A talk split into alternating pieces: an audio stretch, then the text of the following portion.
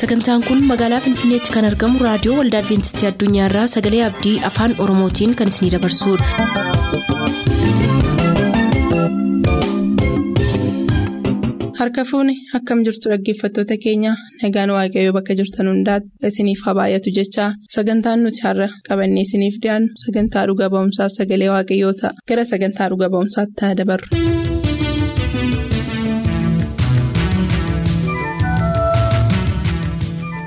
Harka fuuni kabajamtoota dhaggeeffatoota sagalee abdii akkam jirtu? Kun sagantaa dhuga ba'umsaati.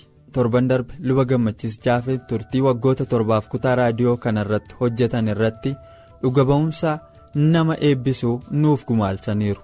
Wantoonni abdii nama kutachiisan baay'een yoo jiraatan illee ergaan dhaggeeffatoota keenyaa biraanuu ga'u akka miindaatti nuuf lakkaa'amaa jechuudhaan jecha isaanii isa xumuraa dubbatanii adda baane. Har'a immoo maal qabatanii nuuf dhiyaatu laata nu faana turaa ittiin eebbifama.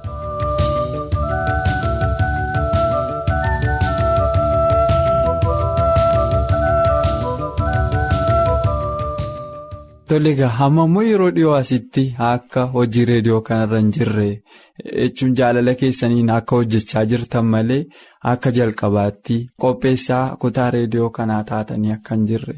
Isinuu dubbachaa jirtu mee hamma gara sadarkaa kamiirra jirtu hojiidhaan. Hojii reediyoo kana erganni dhaabe ergan dhaabee yeroo jiru akka hojii kootiitti qopheessaa qindeessaa ta'ee hojjechuu isa jedhamu kana ergansitti dabarse. Ergansitti dabarsee kaasee hojii kan biraatiif waamamee isattidha kanan darbee jiru. Hojiin itti darbe hojiin fedhii itti qabu miti hojiin itti darbe garuu waamicha waaqayyoo ta'e waan namaneefi. Hojiin itti darbee hojjetaa jiruudha. Hojiin ammarra jiru. Innis maa inni waldaan keenya bal'ataa waan jiruuf baay'ee bal'ataa waan jiruufi fiildii yookaan amaariffaan sabakaa kan jedhanii dirree hojii gurguddaa shantu jira ture biyya keenya keessa waajjira olaanaatti taansee dirree hojii yookiis immoo akka warra kaanitti sinoodosii jedhu akka sana shan ture kan ture biyya keenya keessa shan kan ture kun gara torbaatti. Waggaa kana keessa waggaa darbe keessaa gara torbaatti guddate. Gara torbaatti yeroo guddate lama warra itti dabalame keessaa isa tokkotti hojii sana akka hin geggeessuu fi gara sanatti waamichi waan naaf ta'eef egaa hojii reediyoositti dabarsee gara sana deemeera jechuudha. Geggeessaa hojii dirree tokkooti jechuudha. Hojii fiildii tokko ta'een kanan hojjetaa jiru. Bakkisaa kibba dhiyaa Itoophiyaa jedhama. Kibbi dhiyaa Itoophiyaa kuni waajjira isaa kan hundeeffate magaalaa Jimmaa irrattidha. Kanaaf kanan jiraachaa jiru kanan tajaajilaa jiru.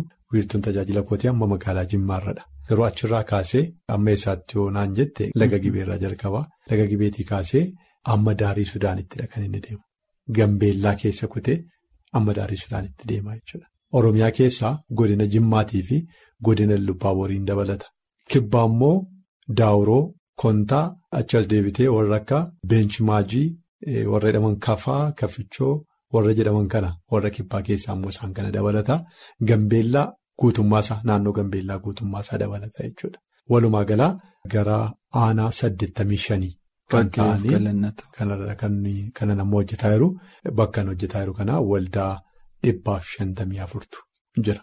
Kanaaf waldoota dhibbaaf shantamii afur kanan hojii kana akka hin geggeessuuf waaqayyootti na waamennaan hojii sanarradha kanan jiru.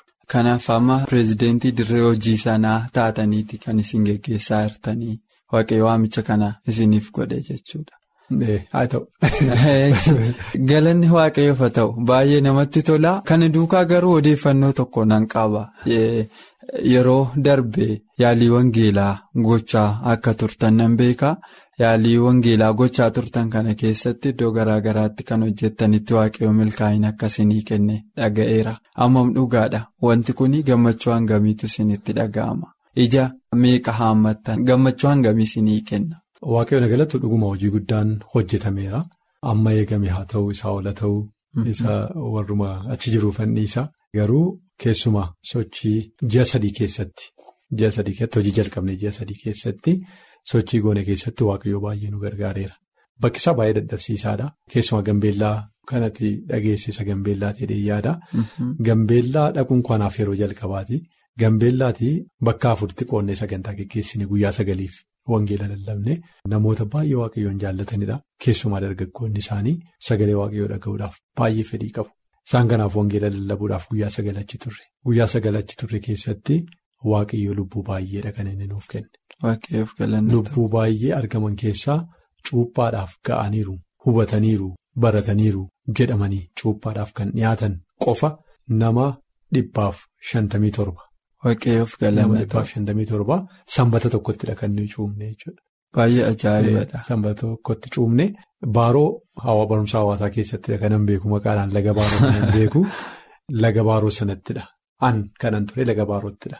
Kananii cuuphee ani qofaa koo gaafa sanaa nama shantama ture lubbuu nama shantama ture kanan cuuphee jechuudha qofaa koo waan ani irraanfanne kanaa wajjin wal qabate wanti ta'e yeroo nuyi kakuu cuuphaa raawwannee waldaatii ba'uudhaaf jennu. Bokkaa yandootu roobuu jalqabe bokkaa roobeen beeku ture. Gammoojjiidha bokkaa roobeen beeku ture. Hin rooba garuu amma miti hin geenye yeroonsaa yeroo baay'ee ho'aa keessadha kan nuyi hidhanne. Kakuu cuuphaa raawwannee gara laga baaroo bu'uudhaaf yeroo kaanu bokkaa yandoon jalqabe. Hin caamannee eegnennaan caamuu dide. Kottaan caamu wanti kun bokkaa keessa deemnaa jedhan amantoonni. Maa akkamitti kana keessa deemnaa jedhan waan tokko rakkinan qabu hin deemnaa jedhani egaa ergaa amantoonni hin deemna jedhaniiti akkam jedheen biraa afaan. Kanaaf achumaa ol deebi'een mana hojjetaa wangeelaa seenee uffata koo hundumaa ofirraa baaseen uffata ittiin cuubu uffadheen silipperii makaadheen bokkaa yandoo keessa laga bu'e. Yoo xinnaate deekaa kudha shaniin deemsisa kudha shanii amma digdamaa deemsisa lagi sun. Kana hundumaa bokkaa yandoo keessa ture kan nuyi deemu. Dargaggoonni faarfataa deemu jechuudha kana keessa. Laga geenye ammayyuu bokkaan hin caafne. Laga baaroo geenyee baaroo gaafan seenuu baaroon baay'ee diilallaa bishaansa gaarraatii bokkaa yandootu rooba. Bakka baay'ee humna qabudha kan roobu. Gajjallaatii bishaanidha. Bishaan isaan diilallaa gaarraadhaan diilallaa. Kana keessatti ture. Kanan namoota shantama cuufee jechuudha. Amma namoota shantama kana cuubu bokkaan kun adda hin. Wanti baay'ee na ajaa'ibee hiikkaan isaas kan naan galle tarii booda fuula duratti kan naa galu yaadu nama shantammaffaa mucaa durbaatiin yaadadha. Mucaa durbaa ishee shantammaffaa irratti cuubamte ishee bishaan keessa seensisee cuuphee gaafa bishaan keessaa ishee ol baasu bokkaan sun dhaabate. Waan baay'ee ajaa'ibsiisaadha. Sana booddee bokkaan sun xabin jenne jechuudha. Cobi tokko deebi'ee xabin jenne. Kanaanitu cuuphaa sana raawwannee baane amantoonni akka jedhu turan isaan duwwaatu hin taane har'a hunduma keenyatu cuuphame.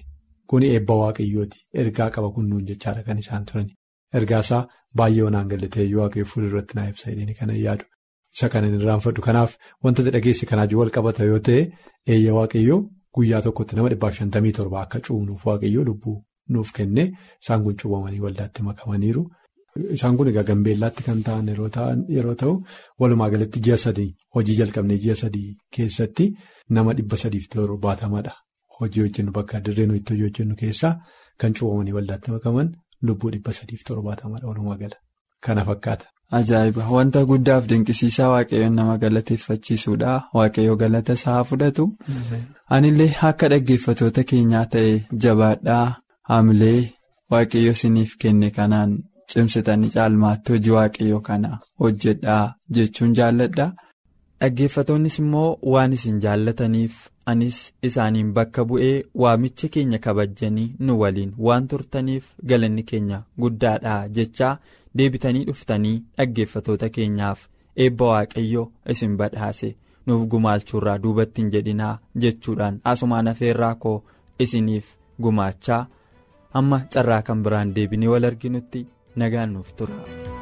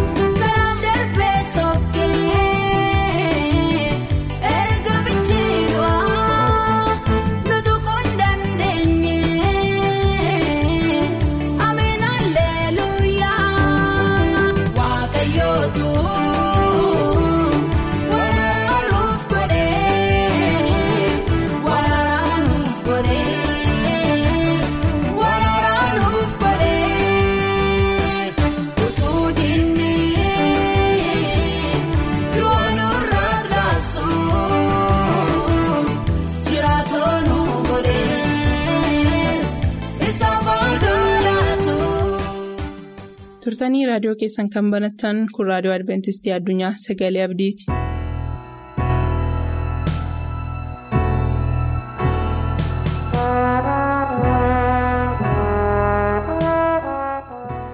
Wangeela bara baraa wangeela bara baraan jira. Kana akka nuyi dubbannuufi waaqayyo carraa guddaa nuuf kenne. Waaqayyo ifa guddaa nuuf kenne. Kanaafiyyuu bara hundumaa keessatti waaqayyo namoota gara fayyinaa kanaatti kan inni ittiin waamuu danda'u wangeela bara baraa kanaan. Akkaataan dhiyaannaa sagalee gargar ba'ee yoo jiraateyyuu kaayyoonsaa galmisaa garuu tokko akka inni ta'e. Jannata edin keessatti abdii kenname sana haaressuudhaafiidha. Ergaan bara kana dubbatamu. Jannati isheen badde suni akka isheen deebituufi kaayyoon waaqayyo inni guddaani kanaaf seera uumamaa boqonnaa sadii lakkoofsa kudha shan keessatti sagaleen waaqayyoo kan inni jedhu siif nadhittii gidduuttis diinummaa nan godha sanyii keetiif sanyii ishee gidduuttis inni mataa keentuma atis koomee isaan iddita jedha waaqayyo abdiinni yeroo jalqabaatii fi saba isaatiif kenne keessatti kun isa tokkodha yesuus du'uudhaaf akka jiru. Du'a isaatiin fannoo isaatiin mataa seexanaa buruqsuu akka danda'u raajiin iddoo kana keessatti dubbatame. Namoonni utuu cubbuutti hin kufin fuula dura biyyi lafaa utuu uumamin fuula dura waaqayyo kaayyoo kana ofuma isaatii kaayyeesse kufaatii ilmaan namoota waan beekuuf. Kanaaf gara kattaa bara baraa isa ta'e gara yesus kiristoos kanatti haa dhufnu diina keenya isa nurraa lolu isa bittimsuu danda'u isa kuffisuu danda'u isa lolee mo'achuu danda'u kiristoos irratti ijaaramuu qabna. Dhuma jalqaba kanaatiif kan ta'e gooftaa keenya yesus kiristoosiidha. Kunis immoo bara nooyin keessatti gara markabaatti kottaa galaa kan jedhamu ergaan saba yeroo sanaatiif darbaa ture. Yeroo sanaaf kun ergaa yeroo ture. Ergaa yeroo sanaaf barbaachisu ture. Gara markabaatti kottaa galaa'edhaa ture. Nooyi baay'ee labsii guddaa gochaa ture. Waamicha guddaa isaaniif gochaa ture. Garuu isaanitti qoosaa turani. Barri kunis immoo sagalee waaqayyoo keessatti akka dubbatu.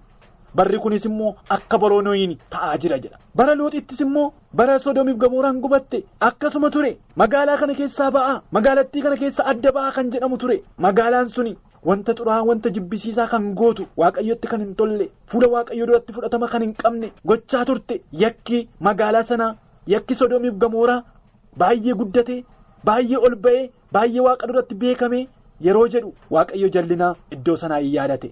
ibidda itti roobsuudhaaf yeroo ka'e looxiin maatii kee hundumaa fudhadhuuti iddoo kanaa bayittiin jedhe. Ergamoota isaanitti erge.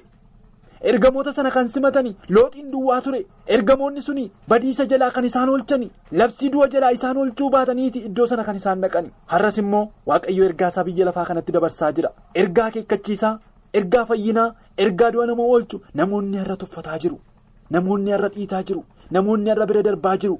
namoonni homaan jedhu jechuudhaan jireenya isaanii akkasuma ittiin dabarsaa jiru. Bara isaayyaasitti immoo namoonni abdii masiichiin dhufa dubbiin ulfoofti ilma sindeessi kan jedhamu ture. Isaayyaas boqonnaa sagal lakkoofsa jaarratti. Kanaaf iyyuu waaqayyoo sagalee akeekkachiisaatiin biyya lafaatti dubbataa jira. Bara izraa keessatti immoo baabiloon keessaa ba'a waldaa kiristaanaas mana qulqullummaa koo hundumaa hojjedhaa kan jedhu ture. Bara yohaannisitti immoo yohaannis immoo ilaa olaa waaqayyoo cubbuu biyya lafaa hundumaa kan balleessu jedhe. Wangeelaa Yohaannis boqonnaa tokko lakkoofsa 29 irratti. Bara kiristoositti immoo qalbii jijjiirradhaa mootummaa waaqayyoo dhiyaateeraa kan jedhu. Maarqos boqonnaa tokko lakkoofsa 15 keessatti kunis sagalee akeekkachiisaati. Bara bartootaatti immoo inni ka'eera kan jedhamu ture. Har'a garuu kana miti ergaan akeekkachiisaa kana miti xumura seenaa biyya lafaa keessa jirra kana beekuun nurra jiraata kanaaf iyyuu namoonni mootummaan mootii inni waaqaa sun luba bara baraa inni ta'e sun guyyaa inni itti dhufu yeroo inni itti dhufu isa simachuudhaafi. isaa wajjin bakka abdii sana deemuudhaaf kan isaan dandeessisu ergaa isaan qopheessuu danda'u kennuutu isaan irra jira fudhachuutu isaan irra jiraata. Phexroosii isa lammaffaa keessatti sagaleen waaqayyoo kan inni jedhu annee waliin ilaalla. Phexroosii isa lammaffaa boqonnaa tokko lakkoofsa tokko amma furiitti ilaallee turre kanaanis abdiin guddaansaa ulfina qabeessis nuu kennameera tokkummaan isiniif haa ta'uufi amala waaqummaasaa wajjin biyya lafaatti kajeellaa fooniitiin. isa godhamu badiisa duraa baatanii badiisatti kan isin geessu kajeellaa foonii ejjummaa xuraa'ummaa alalummaa kana hundumaatti adda baatanii waaqayyoon dura dhaabachuudhaaf jedheetu dubbata iddoo kana keessa. Kanaanis of eeggachuu keessan hundumaa dhiyeessaa amantii keessan irratti jabeenya akka dabalattanuuti jabeenyattis beekuma jedha. Beekumattis of qabuu of qabuuttis obsa obsattis waaqessuu har'a namoota baay'ee biratti of qabuun hin jiru. qixa dhugaatii yeroo ga'ani qixa sochii garaa garaa yeroo ga'ani jireenya namootaa keessa of qabuun hin jiru. Ejjummaa keessatti of qabuun hin jiru waaqayyo kan inni isaaniif kenne hundumaa dhiisanii kan biraa kan yaadani niitii namaatti kan dhaqani akkuma bara sodoomiif gamooraa ta'e waaqayyo fuula duratti fudhatama kan hin qabne cubbuu guddaa kan hojjetanii of qabuu kan dadhabanii har'as immoo of qabuu dadhabuudhaan dhukkuba biyya lafaatiin namoonni baay'een dhumaa jiru namoonni baay'een badaa jiru. Kun immoo barri kun bara dhumaa dhufaatii kiristoosiin balbalarra akka ga'e kan nuu ibsu akka inni ta'e. Kanaaf of qabuuttis obsa obsattis waaqessuu waaqessuuttis obboloota jaallachuu obboloota jaallachuuttis jaalala maccaa jaalalli namoota baay'ee bukkeedhaa badeera kanaaf iyyuu seenaan kun. jijjiiramuutu irra jira. Jaalalli namoota gidduutti mul'achuutu irra jira. Kiristoosiin ol qabutu isaan irra jiraata namoonni.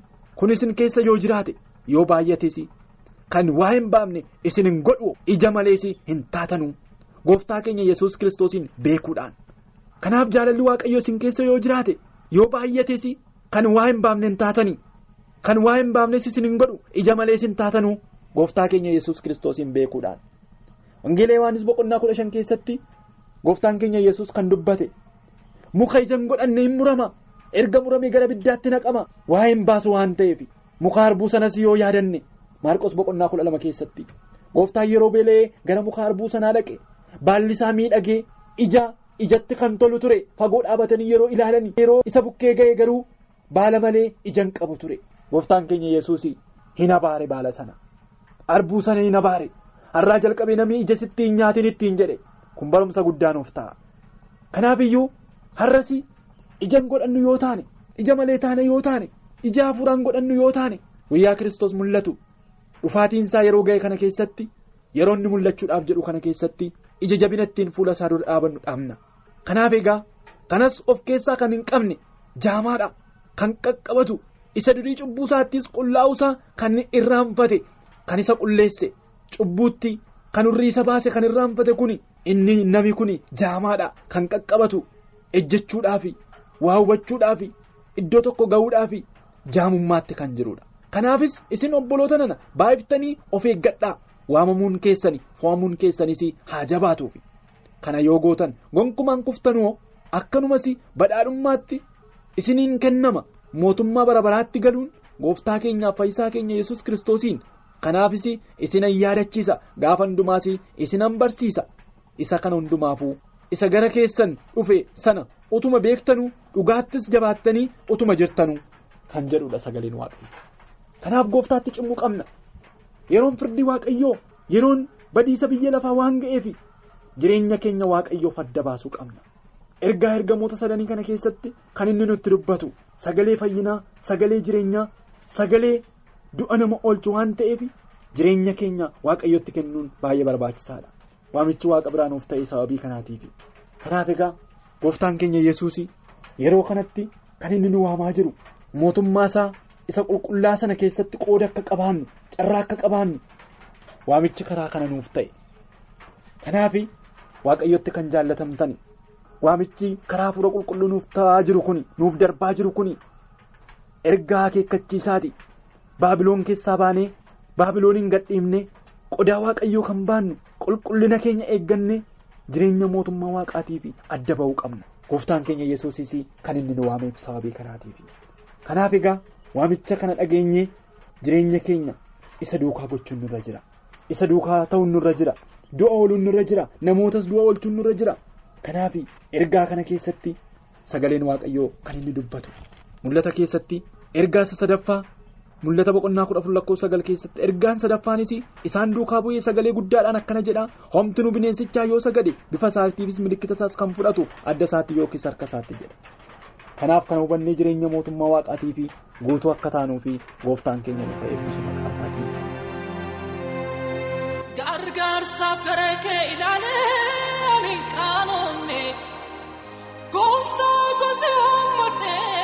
ani yeelaane. warra naannoo lalloottee